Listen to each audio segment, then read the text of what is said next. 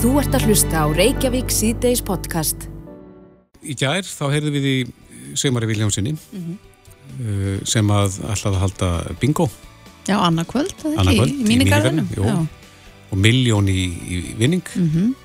en uh, eiru dómsmála ráð þeirra eða hans fólks hérna Spertust upp alveg Já, hérna. við þetta viðtali gær og hann fekk bref í morgun sem er komið til okkar, velkomin Já, sæl. Hva, Veitu hvað? e, verður bingo eða verður ekki bingo? E, það, að það verður bingo, en það verður aðeins öðruvísi heldur en upp af að lagt. Og nú Hvað er ég bara komið masterspróf í bingofræðin Já. eftir daginn. Ég byrjaði daginn bara á að fá bref frá dómsmálaráður, Já, bannað að vera með bingo og gefa peninga og þannig að ég er búin að vera í, í, í allan morgun að reyna að vinda ofan að þessu.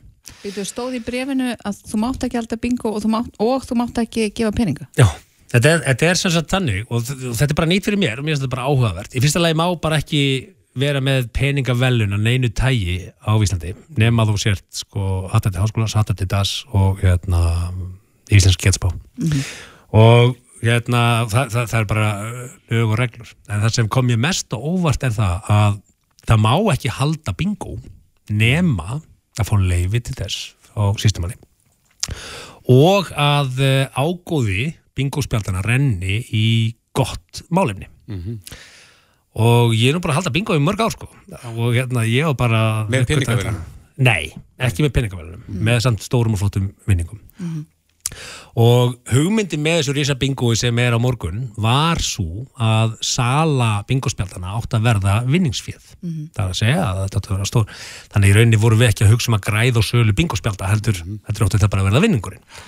Og hérna og niðurstaðan er þá í grunninn þessi að eh, við völdum góðgerðamál þannig að allur öll sala bingospjaldana uh, mun renna í, í góðgerðamál því að það er eina leiðin sem að má starfrækja bingo En mættu þið ekki kaupa til dæmis vinninga og, og gefa þá í staðin fyrir beinaða Jú, peninga? en ef, eh, þetta er semst reglan er svo ef þú selur bingospjaldið þá þarf ágóðin að renna í, í uh, góðgerðamál eða íþrita eskulistarf En nú hefur, fyrir ekki, nú hefur bingo verið spilað hérna heil lengi í vinabæði til dæmis. Já, ég þekki ekki alveg. Það, það er mitt það sem að ég hef verið aðeins að hugsa hvort að það að verið þá reikið í einhvers konar félagi sem var góðgerastarf það lítur eiginlega bara að vera og fengið eitthvað sérstætt leifi ég þekki bara ekki alveg þá sögu. Mun kynna mér hana klálega setnipartin Já, ég held nú reyndar að þeir sem er að hlusta, ég held að fáir hafi gett sér grein fyrir því fyrir en bara akkurat núna Já. að, reglutna væri svona. Akkurat, þannig að ég í rauninni bara við skottið á milli lappana í morgun tek þetta bref og hugsa bara, "Heyrðu, ég þarf að slá þetta af. En niðurstaðan var samt svo og ég er náttúrulega bara mjög gladur yfir því hvað í rauninni kerfið okkar er samt eh, alveg umburðarlind, þú veist, síslu maðurinn tók bara vel í þetta, skildi það að ég vissi ekki. Og hérna og við á endanum völdum bara gott málefni til þess að styðja. Og allur ágóðun af bingospjöldurum rennur í í það málefni.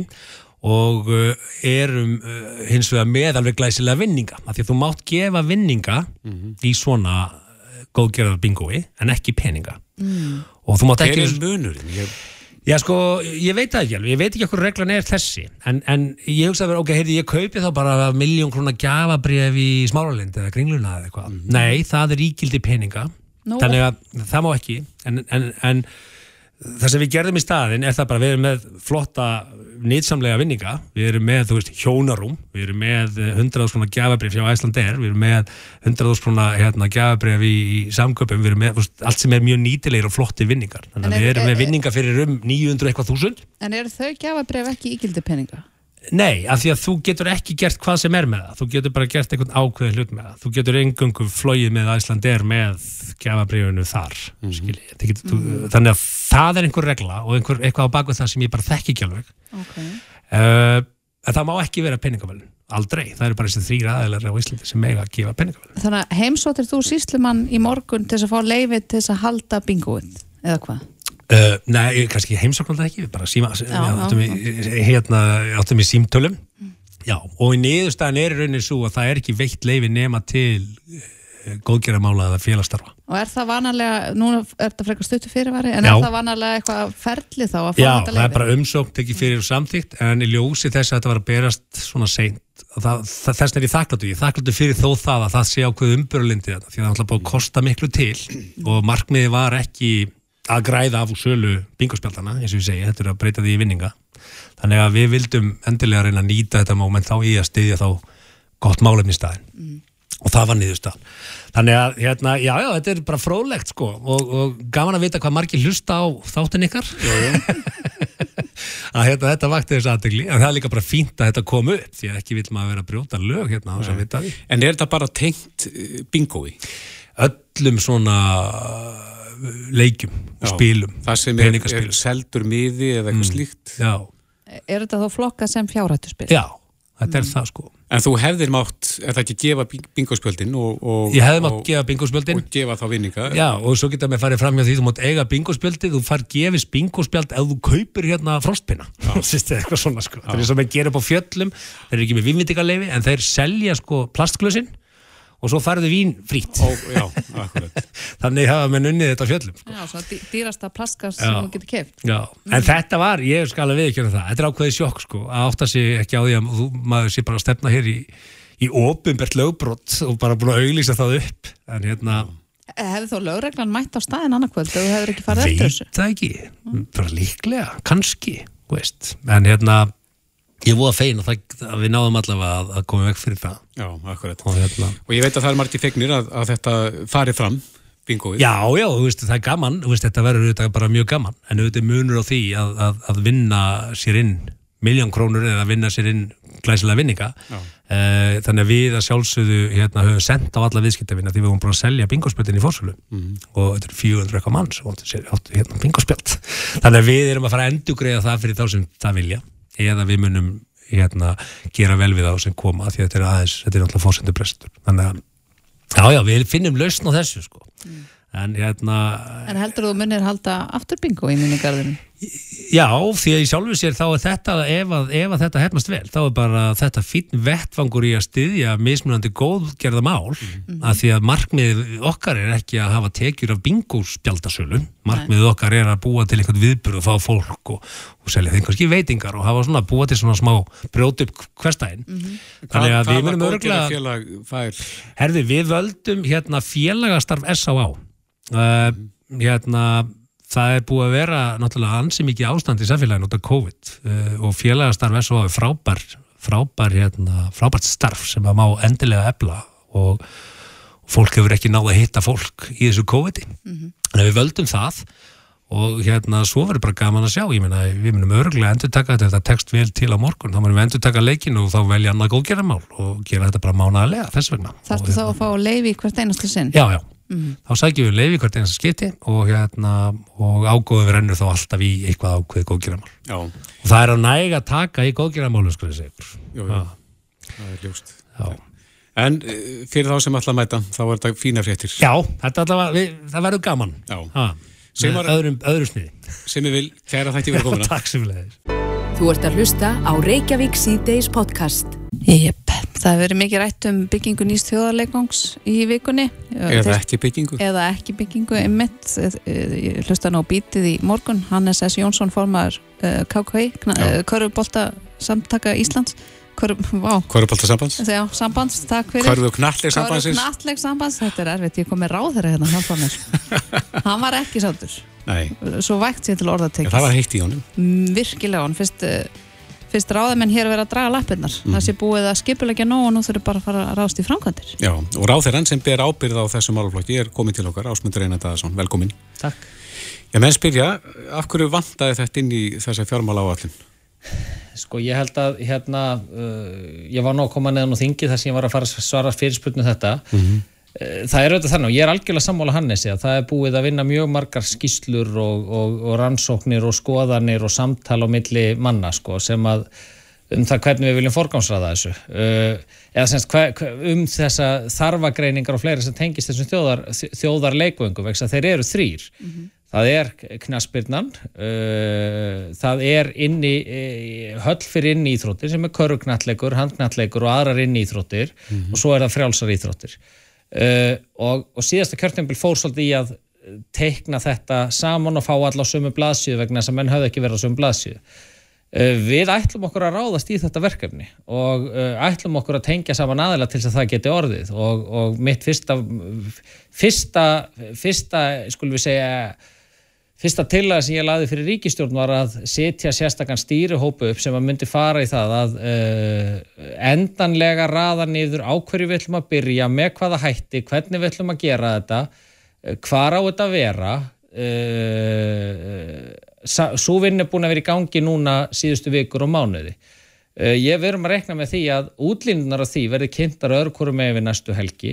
Í framhaldinu þarf að fara fram samtal við uh, í þessu tilfelli Reykjavíkuborg, við verum að hugsa til dæmis um þjóðarhöllina. Mm -hmm. Þess að svo hafa komið upp hugmyndur um að mögulega leikvangurinn rýsi uh, annar staðar en í lögardalunum. Það er eitthvað, það er eitthvað sem að, við erum líka að taka afstöðu til núna þessa dagana. En varandi þjóðarhöllina þá þarf að fara fram samtal við borgina og Við, ég hef verið í mjög góðu sambandi við borgastjóra og við hans fólk líka og við höfum verið að funda með þeim og ætlum okkur að reyna að fara í það samtal núna á næstu viku. Hvað þarf að ákveða á þeim fundi? Já, Þessir aðeilar og þeir eru búin að vera að funda svolítið stíft undarferðin ár. Um já, en, en það sem að þarf í raunin að ákveða þar er, í fyrsta lagi, uh, erum við að fara að reysa þessa þjóðarhöll í lögardalunum. Í öðru lagi, uh, hver er að fara að hafa aðkomaði? Hvernig sjáum við fyrir okkur vegna að borgin er að koma að þessu á grundvelli, uh, á meðalans á grundvelli þess að þjónusta íþróttalífi hér í lögadalunum, þetta getur verið samlegar áhrif mm -hmm. og í þriðja lagi sem væri þá kostnaðaskiptingin annars vegar á byggingunni og hins vegar á rekstrinum á byggingunni. En af hverju er þetta, af hverju likur þetta ekki ljóst fyrir út af því að Haflið Breðfjörð, fókbalt.net, hann byrti nú skemmtilega mynd hérna á Twitter sem hann tók 19. oktober 2017 á fréttamannafundi eftir tilkynnt varum starfsóp um nýjan lögatarsvöld Sávöldur átt að vera klár í byrjun ást 2020 þá var þetta tekningar, kostnæra það var allt klárt. Já, þá átt eftir að ræða hver, hver hlutskipti ríkis og borgar er í þessu og eitt er byggingin og hitt er síðan reksturinn á því. Eh, ef, við, ef við tökum þetta með þjóðarhöllina eh, að þá erum við að fara í þetta samtali í borgarnu, ég hef væntingar til þess og er bara bjart síðan á það. Eh, þau samtöl sem ég hef átt við borgarstjóra er að við getum lokið við þetta uh, á næstu vikum. Uh, á næstu, fyrir, fyrir kostningar fyrir sveitastjórnar kostningar, það er allavega það sem hefur verið upplegið, að reyna að gera það sem við getum til þess að loka þessum kabla vegna sem maður skinnjar það alveg að, að uh, það er vilji borgarinnar til þess að koma að þessu verkefni, það er sér þjóðarhöllinni. Mm -hmm. en hún er líka ákveðinu þrýstingi gagvart, gagvart laugardalnum og vilji nokkar stendur til þess að koma þessu verkefni áfram ástæðan fyrir að það er ekki erðna mert sérstatt fjármagn í fjármála áallun er svo að hún er unnin á hverju einast ári. Fjármála áallun er ekki þannig að þó hún seti fjögur ára, þá er hún alltaf endur skoðið ár hvert. Mm -hmm. Og þegar að verkefnin eru komin á það stað að menn vita hvað þau kosta, hvað þarf að fara í þau, þá eru þau sett inn. E, þanga til erum við með þetta og óráðstöfuðum lið sem er framkvæmda lið sem er hjá fjármálaráðandinu og það hefur ekkert skort á það. Ef við, við þörfumst eitthvað fjármagn til að kaupa sérfræði þjónustu annað, þá höfum við alveg fjármagn í það. Það er að þeir geti byrjað strax í rauninni. Við getum byrjað, það er, sko, það er, það er ekki fjármagn sem skortir á, það er að klára þetta samtal, fara í að klára samkómulag um að hann verði hérna í lögadalunum, mm -hmm. síðan er það hönnunin, vantalega skipulasbreytingar Og, og á meðan að því stendur þá er í gangi endur skoðan fjármáláallinu hver einast ári. En, en, Þannig að það strandar enga veina fjármagnu, við erum á fullu tempo í þessu máli og til þess að undirstryka pólitíska áherslu mína og ríkistjórnarinnar á málið, að þá er annar minna tvekja aðstofamanna sem leiðir þennan stýrihóp. Mm -hmm. Þannig að það er ekki verið að reyna að dreifa þess, og dreifi í einhverju kerfishugsun eða einhverju slíku sko. En ef að kostnæðarskiptingin liggur ekki ljóst fyrir, akkur er Reykjavík pening í þetta verkefni? Það er vegna þess að Reykjavíkuborg ætla sér í e, einhvers konar byggingu í laugardalnum og henni hefur sagt frá því einhvers konar byggingu í laugardalnum íþróttamannverki til að sinna laugardalnum. Og það er aðkoma sem þeir myndu vilja koma inn í sérstaklega þjóðarhöll þannig að verða samtvinna það tvent og það er samtali sem, að, e, sem að við ætlum að fara í. Og, e, og, og ég vonast til þess að út úr því muni bara fæðast fæðast mögulega einhvers konar samkómulag eða hvernig sem það er. Og það er samtal sem að þarf að fara í gang á næstu dögum og, og, og ég vonast til þess að klárist á næstu vikum. Nú ef ekki næst saman um það, að þá, þá, þá kann að vera að, að þessi þjóðarleikongu þurfa að rýsa eitthvað starf annar starf enn í lögadalum, en það er mikill vilji til þess að hann gerir það mm -hmm. og mikill vilji til þess að fylgja því fast á, fast á eftir. En finnir þú fyrir sko hitanum í þessu máli vegna eins og hefðum ánum Hannes í morgun að þá bráðurleikur á að drífa þetta í gang? Eh, ég menna það er bara algjörlega skýrt og, og hérna Hvað er með lengi að, að byggja svona höll? Ég er ekkert þessum að byggingar tíminn sé það lengsta en, en þegar það kemur að hönnun og skipulasmálum og þessum málum að þá þarf það að hérna, þá Þannig að það er, það, er, það er ekkert búið að vinna að hönnun að höllinni Fyrst inn- þarf það að ákveða hvar á að vera. Svo þarf það að ákveða uh, á höllin að vera hluti af þjóðarleikvangi. Það er eitt af því sem að hugmyndir sem hafa komið upp. Þetta er það sem við erum búin að vera undirbúa síðustu vikur. Það er að höggva á þessa hnúta sem hefur ekki verið höggvið á því menn hafa verið að tala saman um og undirbúa það hvernig, hvernig, hvernig verkið er því. Þannig að fyrst þarf það að ákveða hvernig þú ætlar að gera þetta, svo getur þú farið í þessa vinnu og ætlum að fylgja hennu eftir og ég sé fyrir mér, ég er nú sko Þannig, ég sé fyrir mér að, að, að það verði leikið nýri þjóðarhöll á þessu kjörtjöfambili, sko. Það er markmiðið, eh, þjóðarleikvangurinn, að, að, að það komist á stað og þessi verkefni séu öll komin vel á stað á þessu kjörtjöfambili og við komum þeim úr þessari svona pólitísku kyrstöðu sem að verið hefur í samtali ríkis, íþrótarhefingar og borgar. Þannig ég er algjörlega, algjörlega uh, heill í því og væri ekki að sitja svona mikið pólitíst pólitískan kraft í máli nema það sé ætlunin að, að fylgja því og, og leiða það til, leiða það til lykta vegna þess að það ætla sér engin og nú er ég ekki að tala sem ráðherra heldur bara áhuga maður um íþróttir og fyrirverandi stjórnamaður í körgnættisteild og fadir eh, barna sem er í körubólta og horfa á landsleiki og annað. Ég ætla ekki að fara að horfa á alla landsleiki í útlöndum og, og það ætlar engin ráðamaður að sitja undir því að, að landsliðin okkar í körgnættleik og handgnættleik að, að þau spila ekki landsleikina sína varanlega uh, á Íslandi. Það er náttúrulega bara hann ætla bara vittleisa sko. Að Þú talar svolítið mikið um þjóðarhöllina sem að bráðlíkur á eins og við heyrum þetta í morgun en, en mesta umræðan undanfæðan ár hefur samt verið um þjóðarleikvang þar að segja fyrir fótboltan. Hva, serðu fyrir að það sé lengra inn í framtíðinni þá eða? Sko það fyrir alveg eftir við hverju þú talar sko vegna þess að, að, að það hefur verið mikil umræð um þjóðarhöll, þjóðarleikvanga og, uh, og líka uh, þjóðarleikvang fyrir frjálsar íþróttir mesta umræðan í ofinbyrjum fjöllun hefur hins vegar verið um þjóðarleikvangin mm -hmm. og, og, og spast upp auðvitað í kringum gott gengi Íslands í, í, í knasputn og núna hjá, hjá, hjá stúlkonum okkar. Uh, sko það er, það er stærri framkvæmt, það er stærra mannvirki og það hafa líka verið að koma ákveðnar hugmyndir þar fram um eins konar uh, enga framkvæmt á verkefninu að það geti staðið undir sér með öðrum hætti. Þá væri eitthvað annað í, í höllinni líka. nei, einhverja þjóðarleikfangnum, þjóðarleikfangnum. Já, Þannig að það er bara það sem við höfum líka verið að skoða. Það hefur verið að koma hugmyndur um uh, fjölbreyttari staðsetningar á honum þannig að það hefur verið meiri gerjun í umræðinu hvað hann snertir heldur í þjóðarhöllinu. Hún er svona afmarkaðara verkefni sem að, hérna, uh, sem að ég held að sé líka brýtna uh, vegna þess að við erum að horfa þetta upp á það að, að hérna að landsliðin okkar eru bara á leiðin úr landi að keppa sko. En þú segir að það verði, og þú segir fyrir að það verði byrjað að leika í nýri þjóðarhöll á þessu kjörtimabili. Það hef ég sagt alveg frá fyrsta degi og ég held En- að við eigum að geta það. En verður byrjað að reysa þjóðarleikvangin á þessu kjörtimabili? Það eru náttúrulega fleiri þættir sem þurfa að koma að inn. Minn metnaður stendur til þess að þessi verkefni verður komin á stað á þessu kjörtjöfambili. Að það verði byrjað að, að byggja þjóðarleikvang á þessu Minn kjörtímabili? metnaður stendur til þess að koma finnst það líklegt.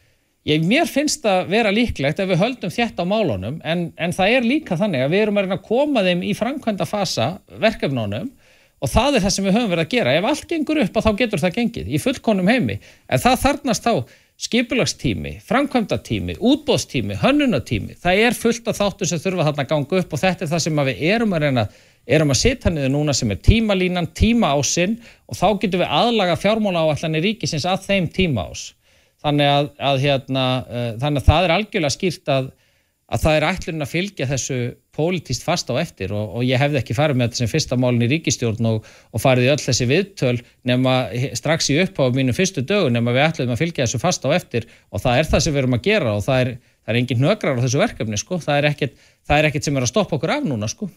Já, uh, það er tímapressa. Ég meina, landsliðin okkar er að spila undan þá í neyþróttum sem fylgir ákveðin kostnaður. Uh, verður þessum félögum bætt sá kostnaður sem að þarf að leggja út til þess að spila landsleiki einhver staðar út í heimi? það er eitthvað sem við höfum verið með erindi með, við höfum ekki haft fjárháslegt svigrúm og bólmakt til þess að grípa þannig inn í. Við erum hins vegar að vinna núna í e, sérstökum stuðnisgreðslum sem eru tilkomnar vegna mikils kostnaðar í tengslu við COVID og, og þá hjá sérsambundunum vegna þess að við, það er bara staðreind að við höfum hérna gert mjög vel við íþróttalífið uh, átt COVID-tímum gagvart félugunum sjálfum en sérsamböndin hafa ekki verið að fá mikið, þau hafa ekki náð að falla undir og sérsamböndi þá er ég að meina landsliðin, þá er ég að meina afreiksýþróttirnar okkar.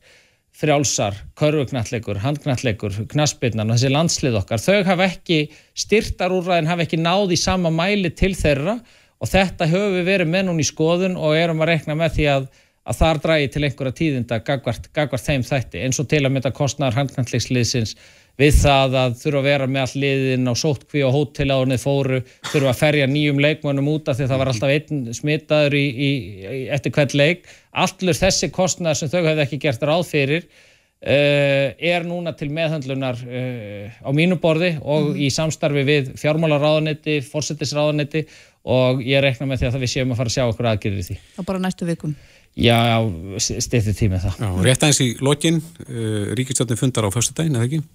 Það þarf að leggja eitthvað til á þeim pundi varandi þetta mál?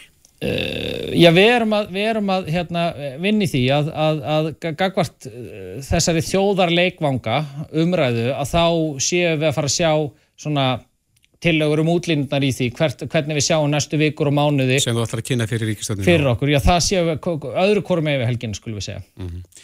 Áspundur Einar Dæðarsson uh, bent á barnamálar á þeirra, kæra þætti fyrir komina Takk fyrir Þetta er Reykjavík C-Days podcast.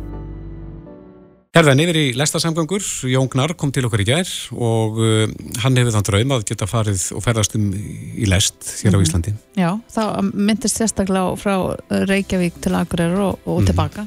Emitt, akkurat. En það er spurning hver kostnærin er þið við það? Já, maður hefur alls konar törlu í dag um hvað farmiðin þurft að kosta þannig að þetta geti stað undir sér. Uh, Rúnur Ágússon, stjórnamaður í fluglestinni Þrónafélagi, hann er komin til okkar. Þú þekkir lestir inn og út?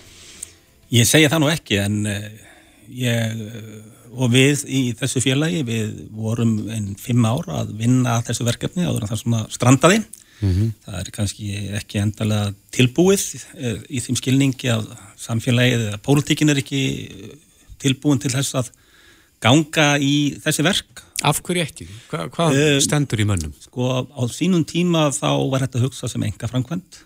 Það sem er umverulega við erum að nýta erlenda ferðamenn sem er að koma til keflaugur og 90 okkar bróst er að byrja því að fara til reykjaugur mm -hmm.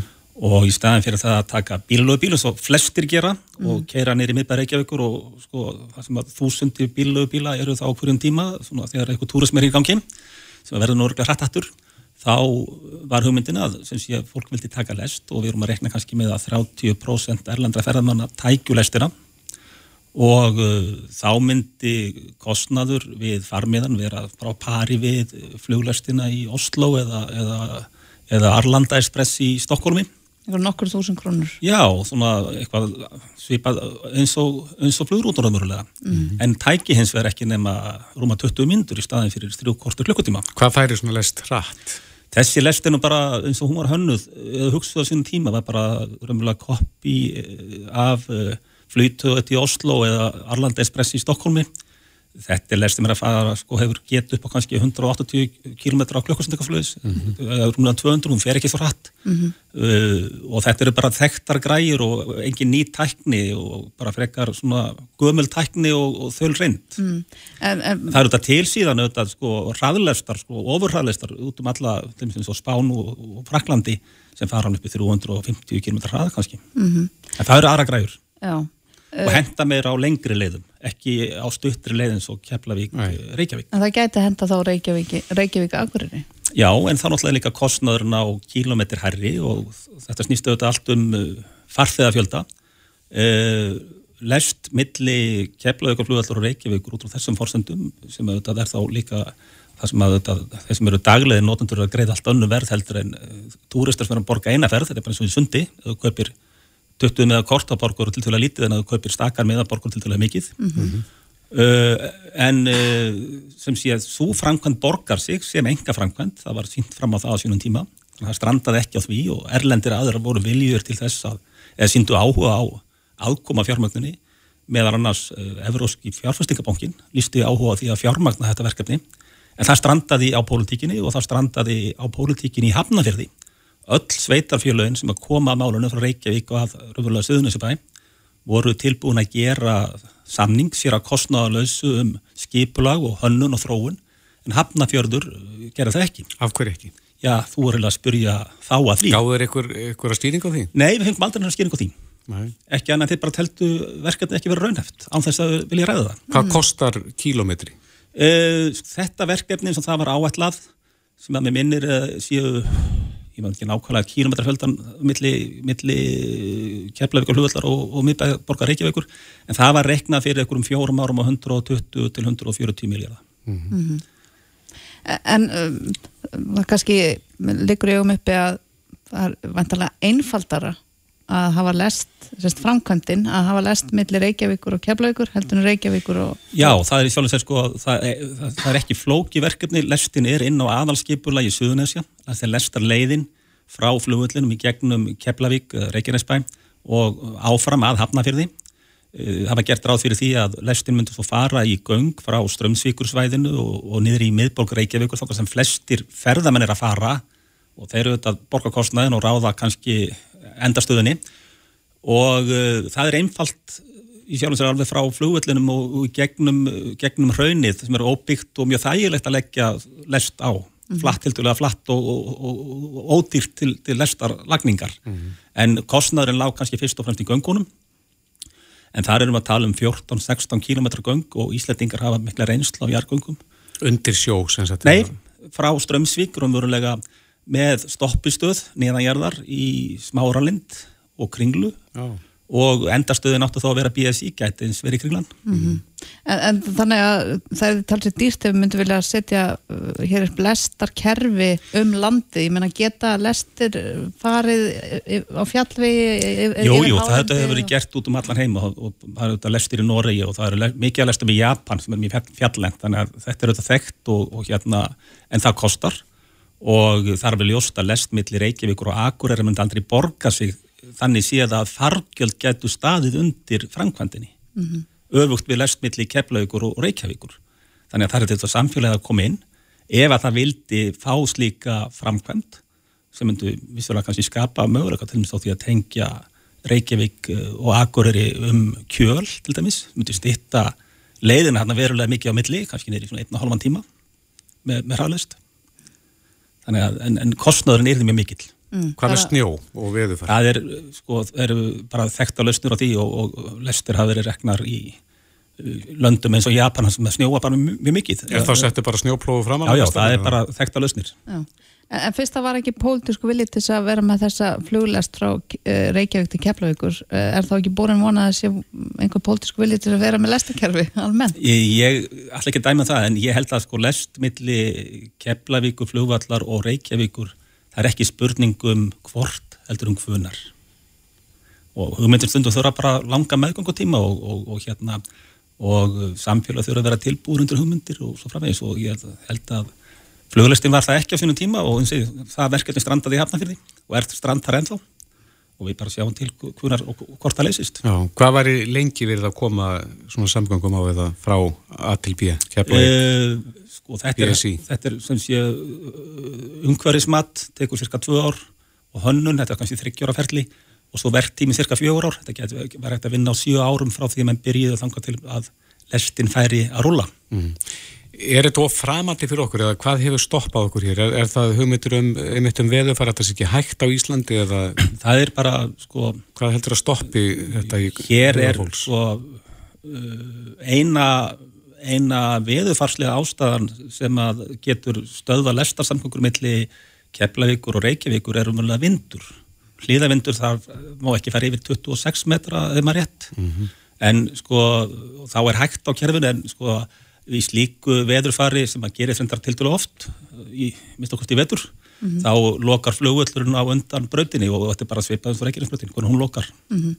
En hugsalega erum við ekki nógu mörg til þess að réttlæta lestarferðir uh, á aðra staði en akkurat þarna það myndi kosta mjög uh, hvað sé ég, djarvar samfélagslegar fjárfæstingar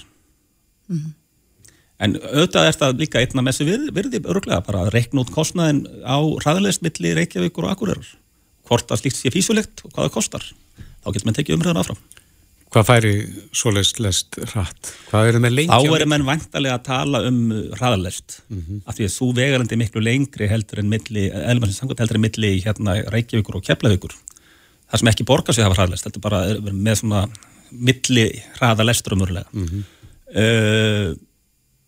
já, lestir út í Evrópu ganga allt upp í 320 km klukkustund, jafnvel meira nýja lestir.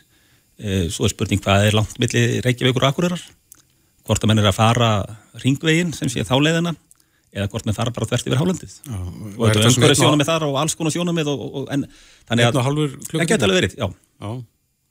Hvernig, hvernig er að bremsa svona lest? Eh, hraðlest er lengi að bremsa ég held að ég muni það rétt að eh, þessar stóru þessar röðulestir í Fraklandi og Spáni ég held að séu 16 km að stoppa frá því að lestastjórun ákveður að stoppa þangað til að lestin stoppar. Já. þetta er náttúrulega bara tekur tíma þú, sko, þú snögg bremsar ekkert á, hérna, á 320 km hraða, það er ekki þannig. þannig að ef það er roll á, teinunum þá hérna, þá er lítið hægt að gera því að hann er bara að gera yfir hana. Já, það er eins gott að við myndum þá búa vel að lesta tennunum ef við förum í þetta einhver tíman Runur Ágústsson, stjórnarmæður í fluglestinni Þrónafélagi, takk hérlega Þetta er Reykjavík C-Days podcast. Þetta er nú einn af okkar uppáhalds. Ég heldur minnast alltaf á það í þessum þætti þegar við erum saman hér Hann er yndislegur. Michael Bublé er dásamlegur Takk fyrir Bræði, takk fyrir að spila þetta Uh, verður ykkur á því. Herðu en, við, víkjum okkur aðeins niður á þing, en uh, uh, Sigmundur Davík Gunnarsson, formaður miðflokksins og komið til okkar, uh, hann var að leggja fram tillögu um að hækka eftirluna aldurinn. Velkomin Sigmundur. Þakkaði fyrir. Já, þú, vilt, þú vilt uh, færa eftirluna aldurinn úr 70 og upp í hvað? Ég, sko, við höfum lengi barist fyrir þessu allt síðasta kjörtíðanbil og uh, Þorstedt Sæmundsson, ég vil nú að nefna hann, hann á mikinn heiðurskilin því að hann var óþreytandi við að berjast fyrir þessu máli. uh, og við lögum til hann að millistig og sem að segja, 73 ár, en auðvitað er, er æskilegast að það sé ekki endilega ákveði hámark, heldur bara að fólk og auðvitað atvinnu rekandin líka geti metið uh, hefur fólks til þess að vinna áfram. En það er auðvitað líkilatri í þessu að það er ekki verið að tala um kröfu um að vinna lengur. Nei. að fólk eigi áfram rétt á að fara á eftir laun á, á sama tíma nú. En það er bara svo margt fólk sem að sérstaklega nú til dags er svo sprækt og virkt á þeim aldri þegar að menn áður settust í helganstein og langar til að vinna áfram. Hann er kift út af vinnumarka. hann er kift út af vinnumarkaði og, og það er í rauninni mikið tjón fyrir samfélagið. Því að þetta er fólk með mikla reynslu og þekkingu sem að getur lagt mjög mikið að mörgum og þetta er ekki dýrt. Ég er reyndar þeirra skoðan að þetta myndi spara á heildinanetti samfélaginu mjög vel, verulegar upphæðir. Vandin við þetta mál eins og svo mörgönnur hins vegar er að þeirra ríkið er að leggja mat á þau þá lítur það ekki á heildaráhrifin og ekki á langtíma áhrifin Þannig að það, það er bara litið á það sem uh, reynan kostnað að leifa fólki að vinna lengur og búið til meiri verðmætti. Í hverja sá kostnar að felast? Það er vonuð spyrjir en, en rí- ríkið hefur nálgast þetta þannig að eh, ef menn hætti á ákveðnum tíma þá fáu þeir uh, jú, þau eftir laun sem að þeir hafi unnið sér einn en það þurfi ekki að, að borga fólkinu laun lengur. Af því að hér erum að ræða þið ópenbera sem, sem er auðvitað mjög förðuleg nálgun því að launin í, fyrsta lagi þau eru ekki fyrir, fyrir ekki neitt. Þau, þau koma fyrir það að fólk er að leggja einhverja mörgum, það er að vinna. En auk þess heldur þetta fólk áfram að greiða skatta áfram að leggja inn í lífeyrissjóð og, og svo framvegis svo að, að ef minn líti á heildarmyndina þá er þetta ekki kostnaður fyrir ríkið, þetta er bara hagkvæmt að leifa fólki að vinna lengur. En ég ítrekka það aftur að það er ekki verið með þess að búa til það að kröfa menn vinni lengur ef þeir eru tilbúin til þess að hætta störfum og, og langar að gera það. Þá á sjálfsögðu að vera möguleika því. En, en það eru svo margir til, að- til að mynda kennarar. Ég, ég var á, á ferðin kjördami mitt núna ekki alls fyrir löngu hitti þar kennara mjög vel liðin kennara. Það var á laugum. Uh, sem að langaði að vinna áfram. Uh, skólastjórnundur vildu fyrir alla muni halda þessum kennar áfram. En hann átti bara nokkra vikur eftir þá þurfti hann að hætta. Og allir munu sakna hans. Og hann langar ekki að hætta hann, hann vil halda áfram. Þannig að þetta er svona til að, til að taka á þessu. Þannig að þetta er þá kannski liður því Helgi Pétursson uh, formar landsmanns eldriborgara hefur gaggrind það að um, eldriborgun svolítið steift í sama mót eða bara allir eldriborgara vera eins og, og gangi takt. Mhm. þetta kannski vísar því að það verði þá eldriborgun bara almennt gert auðveldara að vinna þá kannski hlutastörf og vera líka á líferi eða, eða eftirlaunum segi eða, eða einhvers konar svoleiðis plan hann að fólk Algjörlega. kannski svolítið frjálsara á þessum aldri Ja, ekki spurning, þetta er nákvæmlega þannig að við hættum í tilvíki eldri borgara að líta á bara sem einn hóp, það sem eitt eigi við um alla. Og mér finnst þetta að vera svolítið gegnum gangandi ekki bara varandi eldri borgara, heldur í samfélaginu almennt nú til dags. Það er alltaf verið að setja fólk í einhverja hópa og gera ráð fyrir því eitt eigi við um alla.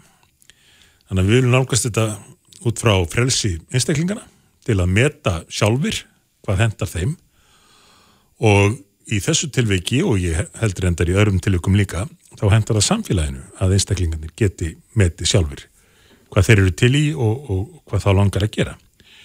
Og að þú nefnir hálfstarf þá er það einmitt mjög held ég uh, vannmettin möguleiki að gefa fólki aukna möguleika á að vinna hálfstarf ég hef heyrt frá mörgum atvinnureikundum í mörg, mörg ár að uh, margt af besta starfsfólkinu þeirra, fólk sem er búið að vera, vera að vinna á, á vinnustanum jafnvel áratugum saman það uh, geti vel hugsa sér að, að vera þarna áfram en kannski vera komið ákveðin aldur í, í hálfustarfi sem að hendar bæði atvinnureikandanum og launþeganum. Og af hverju ekki að leifa það? Þetta er líka betra fyrir helsuna sko. þetta er betra fyrir líð helsu í samfélaginu. Því að uh, margir eflaust kannast við það sem að eru sprækjur um sjötugt uh, og langar að vera virkir á, á vinnumarkaðum áfram að, að þegar þeir eru þvingar til að setjast í helgan stein og svona vita menn ekki endilega alveg hvað er eiga að gera af sér og, og, Og undan. getur hrakað. Þetta er allur gangur af því. Þetta er ekki, þetta er ekki bara einn, einn hópur sem allir eru eins. Su- sumum hendar bara ljómandi vel að að hætta að vinna um sjötut og fara að spila golfi eða, eða hvað annað.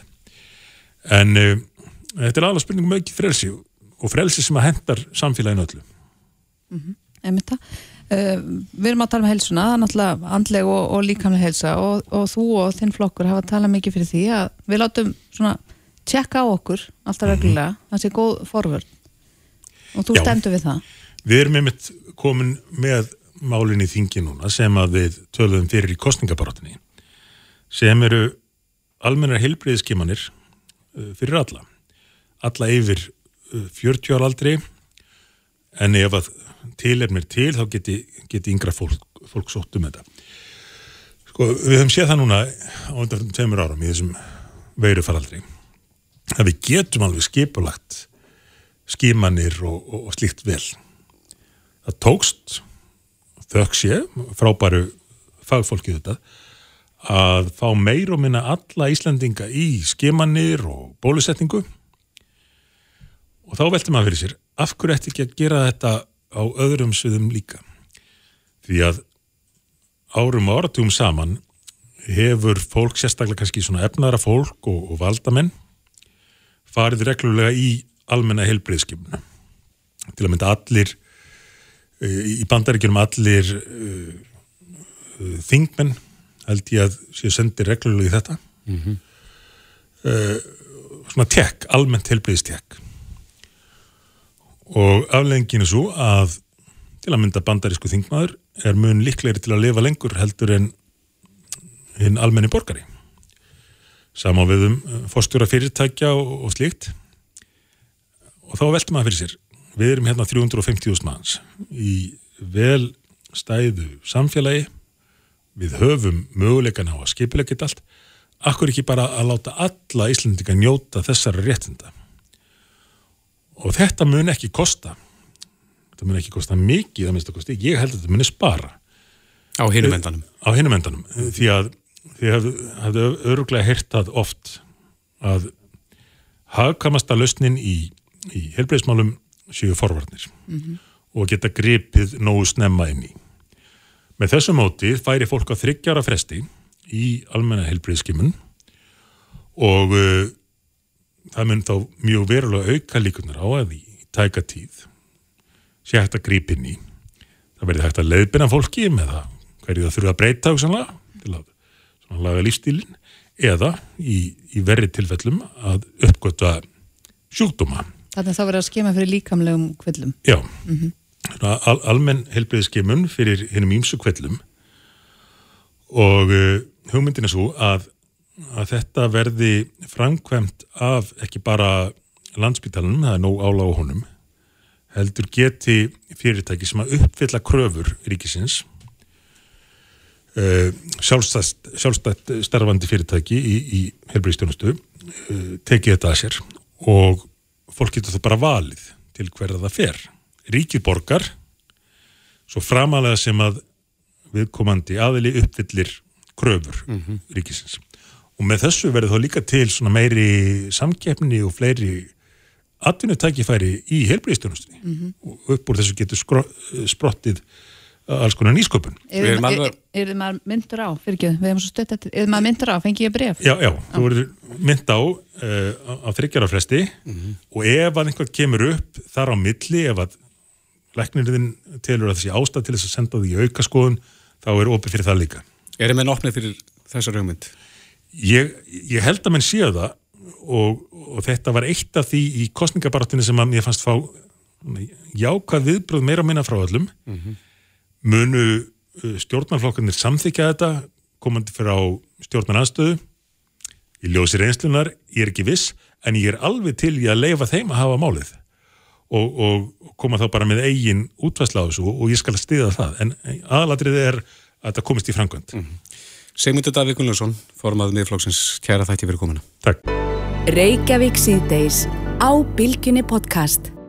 er ákvæmst á frétt inn á innherja, inn á vísi.is, það sem að vitnað er í Ástur Jónsson, Sælabankastjóra, það sem hann óttast að að verðtri lán uh, muni aukast í umferð núna vegna ástandins sem er núna í efnaðasmálum. Ástur er komin til okkar, velkomin. Þér fyrir.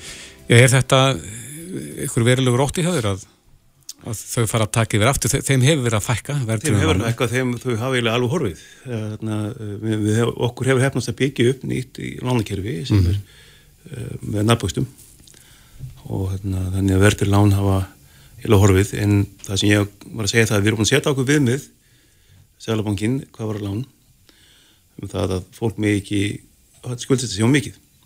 Og það er með við greiðslubyrði og þessi verðtröður lán eru þannig að þú borgar eiginlega ekki til byrjun þetta er eiginlega hálfgeð kúlulón eins og það hafa verið og hérna, þannig, ég hafði, þannig við höfum ágjörð því að, að, að þegar, þegar við minn okkar fara, fara að binda að fólk með bara þessi sig fyrir 30 þessi 35% tekjum Mhm. að þá bara getur verðurlánin komið náttúru að fólki verið bóðið að taka verðtrygt til þess að fara fram hjá þessum viðmiðum okkar mm. og þess vegna var ég að tala um það að ég, ég var spurður af því hvort að það kemur til greina að breyta reglunum sem við erum með og svo er ég já að vísu við mátið á þannig sko 40 ára verðurlán sem eru hins okkur Íslandslán að þau eru metin hjá okkur eins og 30 ára lán mm. þannig að þessi tíu auka ár þau við, við, við neytum að taka þau inn í og hérna þannig að það er ágefni ég hérna En, en hvernig væri hægt að breyta þessum reglum? Eða hvernig myndir þú vilja breyta reglum? við getum bara sett inn sérstök ákvæði varandi verðtryggingu eða, eða með einhverjum hætti skilgrinna lánstíman Hvernig gæti þau ákvæði verið? ég, bara, það, ég er að fá okkur þarna svo lögfræng til þess að gera það sko. Ég bara veist, Að þetta er greinilega, heyri ég, eitur í þínum beinum.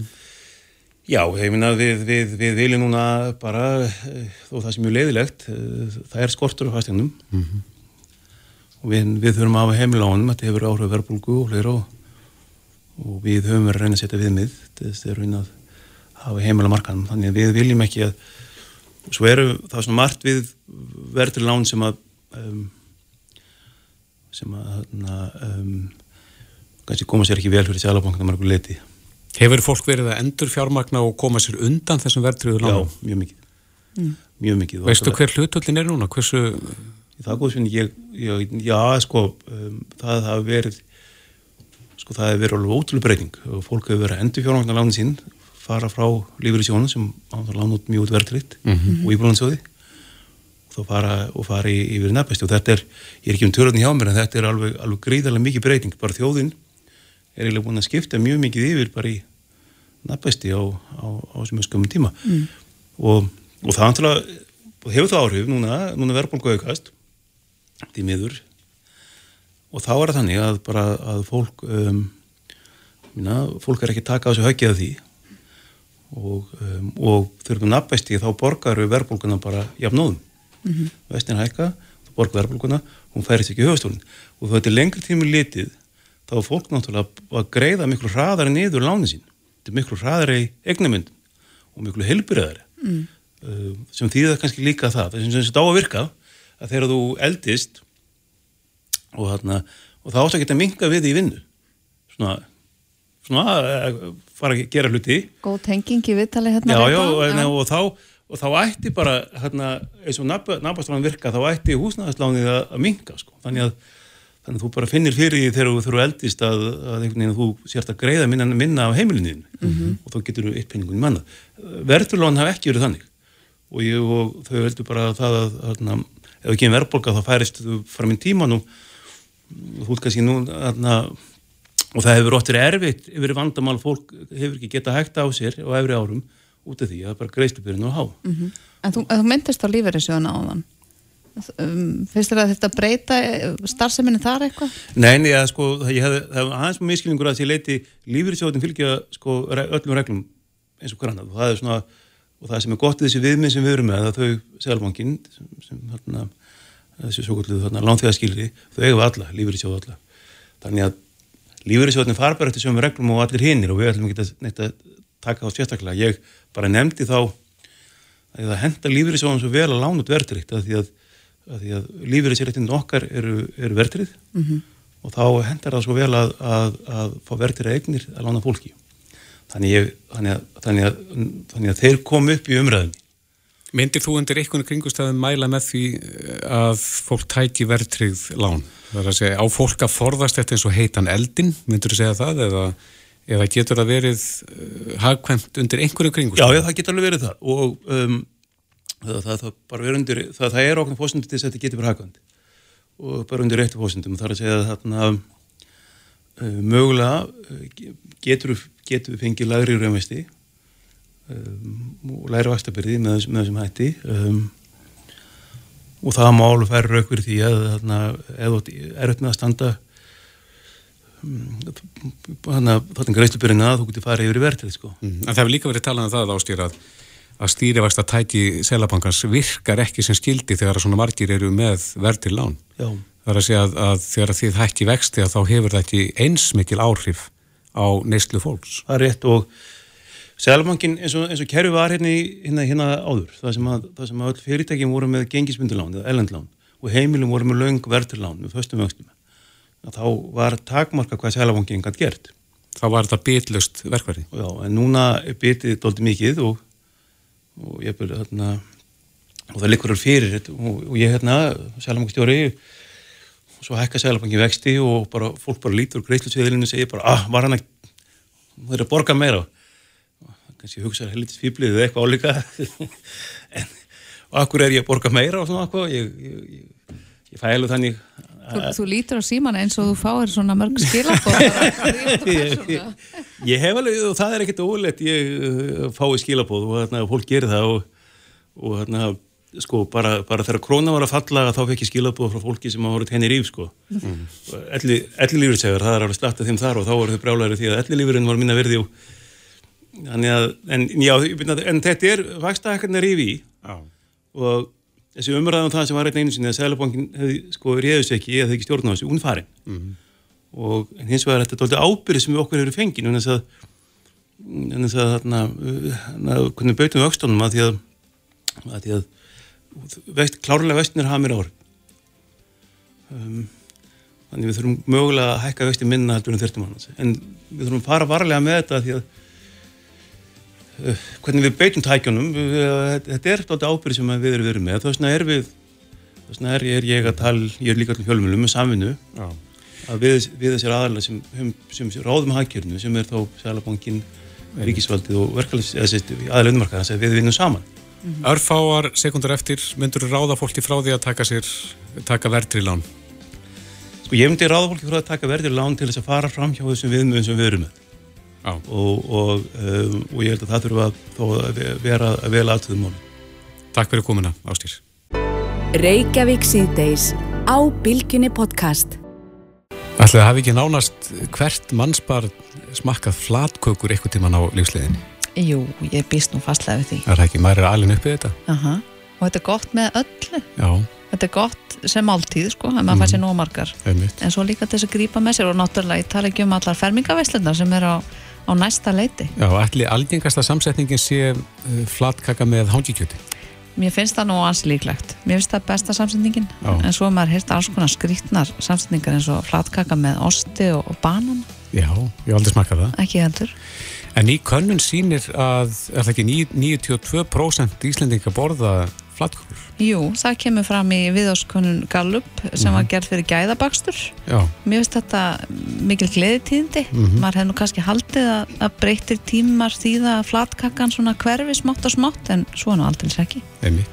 Eh, Nanna Röggvaldadóttir sem hefur nú skrifað ófáar matrislu bækundar, hún er á línunni og veit sitt hvað um flatkökuna. Eh, Góðan og blessaðan daginn, Nanna. Já, góðan dag. Ég, ég býst nú við að þú sett sammál okkur að þetta séu gleði tíðindi að 92% Íslendinga borði flatkökur. Jú, jú, en kemur svo sem ekkert á óvart. Nei. Er þetta sér íslenskt? E, Nei, það er nú kannski ekki alveg hægt að segja það, sko. Flatkökur af ýmsu tægi þekkjast víða, en e, kannski ekki alveg eða, mjög líkar þessum íslensku endilega. En, en þetta er búið að fylgja okkur í meira en þúsund ár, sko. Já. Þetta voru e, kökurna sem voru bakaðar hérna, eða brauði sem var bakað hérna á, á landnámsöldu og setna. Það var fyrst og fremst flatbrauð því það voru engir opnar og voru ekki til fyrir ná 19. aldrindar. Þannig að eh, flatkökur voru langa algengastar. Akkur heitir þetta kaka? Í, þetta heitir ímynd flatkaka eða flatbröð. Flatkaka er ein stök kaka en Mm. Flatbröð er kannski meira svona heldar heiti. Einmitt. Einmitt. En þær voru líka sko, þessi flatbröð var þykkara áður sko, ekki, ekki svona alveg eins þund eins og við þekkjum það sko. Nei, ég vann, Eða það var reyndar misjamt en já, ég var nú eitthvað að grúska uh, hérna í flatkö, stóra flatkökumálinu og rakst það á bókina Íslensku matarhefð eftir Hallgerði Gísladóttur. jú, jú, Það sem er talað um að, að flatkökurnar hafi not, verið notaði sem diskar. Það voru það þykkar það og þekktist og það náttúrulega þekktist sko líka víða í Evrópu, sérstaklega í veislum sko að, að þar eru svona flatar eða flött brauð að notuð sem veisludiskar og svo bara borðuð á eftir þess vegna. já, það er alltaf mjög umhverfisvænt. Já, það má segja það. En svona þessi, en þessi flatkaka eins og við þekkjum í dag, svona sem er svona þunn, hve- hvenar sjáum við hana fyrst? Hvenar hætta það að vera svona þykkar? Það er, þunna flatkökur hafa nú kannski alltaf þekst líka en, en hérna það er sko á, þær voru uppaflega bakaður ímist á, á steinhellu sem var hýtuð eða þá bara beint á glóð en svo svona á 18. 19. öld þá fara að koma játnblötur og þá er kannski auðveldar að baka baka svona kökur sko. Mm Eh, upphaflega voru þessar kökur engöngu gerðar úr byggi líklega. Svo síðan þegar kemur setna þá, þá er rúf, tekur rúurinn við og eða blanda byggi og rúgi og nú er líklega algerskast að það séu úr já, minnstu kost að hluta til úr elkveiti mm, ja, það er svolítið misjæmt samt eftir framleiðandum og, og svo eru líka ymsir sem baka þetta fyrir sjálf á sér sko Já, en það er ekki algengt að, að fólk sé að baka þetta endilega heima. Nei, ekki svo. Það er nú ýmsir sem gera það samt, sko. En það kemur alltaf brælaður soft, Jú, jú, einmitt. og þannig að það getur nú spilað inn í. En, en þegar ég var krakki þá bakaði mamma flatbröð alveg fyrir alla. Já, móði mín baka nú stundum flatkökur í bílskúrnum sko, einmitt út af brælunni en, en þá er nú eitt af, af leinum opnunum er rakur klútur eða viskustykki til þess að setja ofan á þær þegar það koma Jú. af hellunni Eða bara dýfa þeim eldsnögt í vatn, það er lífsmundu gert líka. mm, svo það harn ekki alveg strax Já, Einmitt. En ert þú ekki til því að baka flattbröð eða flattkökur? Ég hef gert það stu- stundum sko en það er norðið að sér langt síðan, ég gerði það síðast. Mm, einmitt. En svona eins og með samsetningar, vorum að ræða hérna á hann ætli svo vinsast að sé ekki smjör og hangikjött um, en það er náttúrulega að setja hvað sem er á hann á er, jú, jú, jú, jú, jú, mér hangi kjötur öruglega algengast. Ég hef uh, fengið flatkökur sko sem að var borin fram með, með grillmat eða það er að segja að það var skornar þykast neðar af lambakjöti og, og flatkakabrótin saman utan með það. Einhverja sósur held ég líka og svona sko. Eh, Það er hægt að setja alltaf flatkökur. Jú, jú, jú. En gæti maður kannski grilla flattkökur á svona pizzastein? Ætli það sé hægt? Jú, jú, jú, ekkert mál. Mm, það opnar nýja, nýjan heim. Það er alveg hægt. Einmitt. Já, ég held að ég haldi henni bara með smjör og hangikjött en, en hver er svona þín uppáhalds blanda og hann á flatkökuna? Eh, Fyrir utan smjör og hangi kjött. Já. Eh, Já, það er eh, ég veit ekki síld mér er mjög gott að fá síld á, með flatbröði Mhm. eða orna flatbröð ymsum myndum Ge já. Getum við, Nanna, ka- kalla þetta svona einn af þjóðar réttum Íslendinga? alveg tvímælalöst sko Er þjóðarbröðið svona fyrir utan lögabröði sko. Já, og þetta, sko, þjóðin er ekkert að hætta að borða flatkökur. nei, engin, enga líkur til þess. Það er ekki að gerast. Er þetta ekki líka meinholt?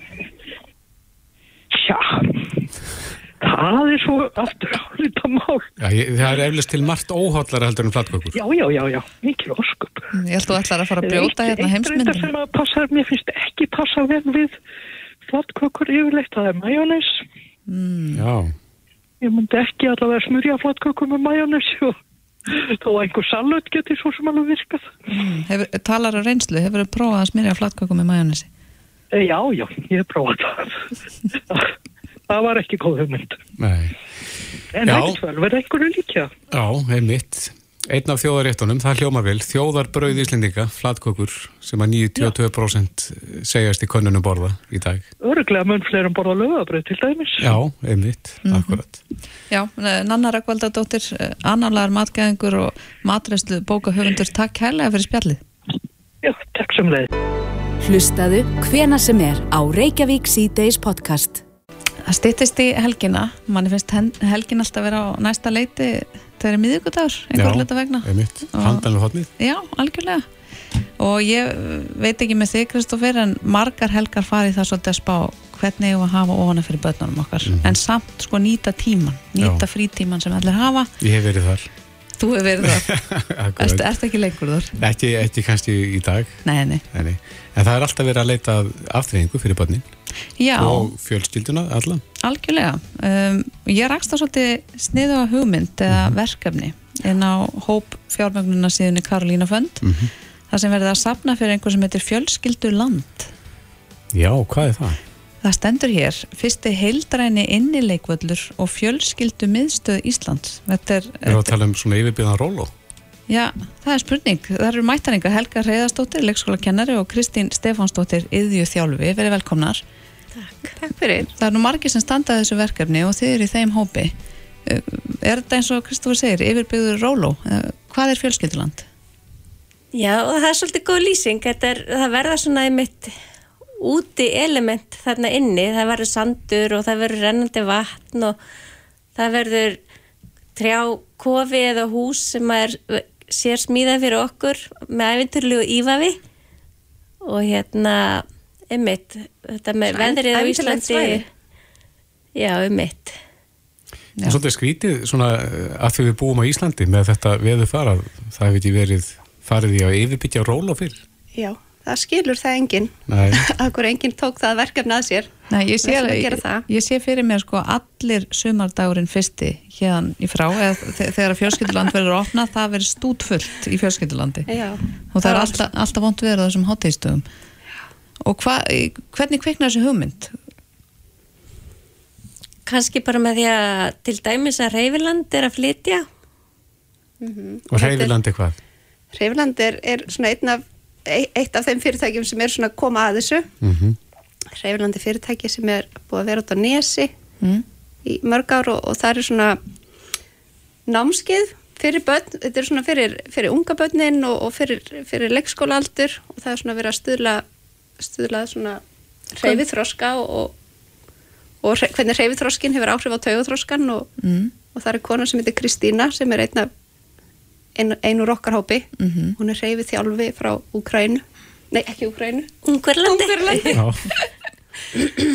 og hérna og þetta fyrirtæki þurft að flytja og, og þetta er draumur sem að svo margir eru búin að bera með sér eins og Mhm. ég og Kristín og Kristína og við þekkjumst allar Þannig að þetta verður, fjölskylduland verður rými þar sem Já. að fjölskyldu geta komið saman og verður þá ekki eitthvað líka að hafa, hafa fóreldrarnir þurfa að hafa eitthvað fyrir stafni eða eru þeir bara partur af leiknum?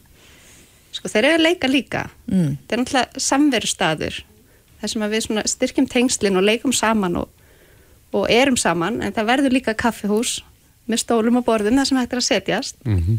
með yfirsýni við leikvöllin með yfirsýni við leikvöllin Er þetta svona bara eins og rólu? Eru vegasalt og Nei, þetta er sandkassi kannski og... meira leiksvæði. Verður ekki það er svolítið mikið rými fyrir rólutnar og það þú veist bara upp á, upp á hættu og þannig. Mhm. en þetta verður leiksvæði, fjölbreytt og skapandi og, og opin efni við það sem að svona er hægt að brasa og, og rannsaka. En svo verður líka fjölskyldu miðstöð og það verður svona inn af leiksvæðinu. Þar eru námskeið og Mm, fyrir þá, jókatímar fyrir fjölskyldur og einmitt, þannig að þetta er svolítið stórt svæði. já, Er, er þau komið húsnæðin fyrir þetta starf? Já, við erum einmitt komið húsnæði í Dugguvogi Mm. Dugguvogi fjögur og ætlum einmitt að halda viðburð á laugadaginn svona fjáröflana viðburð, svona tengdan svolítið Karlínufand Mm -hmm. það sem að fólk getur svona aðeins fengið stemninguna, hva, hvað við erum að fara að gera fengið svona nasa þegar af því Og þú nefnir Karolina Fönd, er það sapna fyrir þessu verkefni þar? Já, bara leta róðurinn í rauninni Mm fyrir komandi útgjöld í Já. í uppbyggingunni, Einmitt. Hvernig hefur ykkur verið tekið þar? bara mjög vel já, Þetta- mjög vel hefur kannski ekki reynslaði en við erum mjög ánum með það sem er komið og það þarf bara meira og það þarf mikið þannig að við erum rosa þakklátt fyrir að allt sem að það er alls konar pakkar hérna 1650 held ég sé lagst og upp í einhverju hundra áskalla sko og þannig er þetta að kaupa skiluru aðgangsmiða í forsölu Mm -hmm. Það er þetta að kaupa innegn á námskeið eða Einmitt. mánaðapassa á námskeið. Svo, hve, hve miklu máli skiptir það að fjölskyldu geti átt svona stund saman á svona staðins og fjölskyldulandi og allir geta verið frjálsir og reyfa sig og, og hafa gaman? skiptir bara öllu máli bara. Við erum nú þegar með ákveðið starf í gangi sem að heitir MEM, MEM Play og það er búið að vera í gangi síðan, já, bráðum í ár og þar fjölgar bara fólki frá hverju skipti, þú veist að milli skipta í hverju vikunni, þá bara við erum að sprengja líku í gerðberg utan á okkur Og það er fólk að hittast sem er mikið fólk í fæðingarólofi og með lítið börn. Mm -hmm. Þetta er svona að hittast og stiða hvort annað og, og fá fræðslu og svo leis. Mm Gleimum við kannski ofta að samvera þarf ekki að vera flókin? Ég mitt. Það er þetta samfélag, bæði, þú veist, bara samfélag fóreldra, svo líka tengingi við barnið og, og tengingin við bara líka sjálfan sig. Mm -hmm. Sittast niður og stoppa. Einmitt. Já, ég, ég er alveg saman á því sko, maður gleymir stundum að maður getur átt samveru stund á þess að eða mörg þúsund krónum í eitthvað brjálaði. Hvað heitir þetta verkefnin á Karolina Fönd? Fjölskylduland. Já, þetta finnir ykkur þar. Endilega skoða og, og vera með. Og, mæti, og mæti duguvóin á lögadaginn. Okkur Mæti. dreymir um að búa til þetta samfélag, skilur, að við séum all með og, og það komi fleiri aðilar inn sem eru með eitthvað svona styðjandi fyrir fjölskyldur. Mm Þannig að Þannig að fjölskylduland mun bara stækka og stækka. þetta fyrir alla. Fyrsti yfirbyggður og lón. Einmitt það. Helga Reyðarsdóttir leikskólakennari og Kristín Stefánsdóttir yðurþjáli. Takk kærlega fyrir komuna og gangi ykkur allt í hægin en áriðin farið. Hvenar mun fjölskylduland opna? Í sumar. Sumar. Æðislegt, indislegt, gangi ykkur vel með þetta. Takk, fyrir komuna. Takk. Takk. Já, alltaf gaman að heyra af nýjum hugmyndum sem að fá vangi. Algjörlega, við vonum bara að þetta gangi sem best Já. hjá þeim stöllum. Reykjavík síðdeis á Bilginni podcast.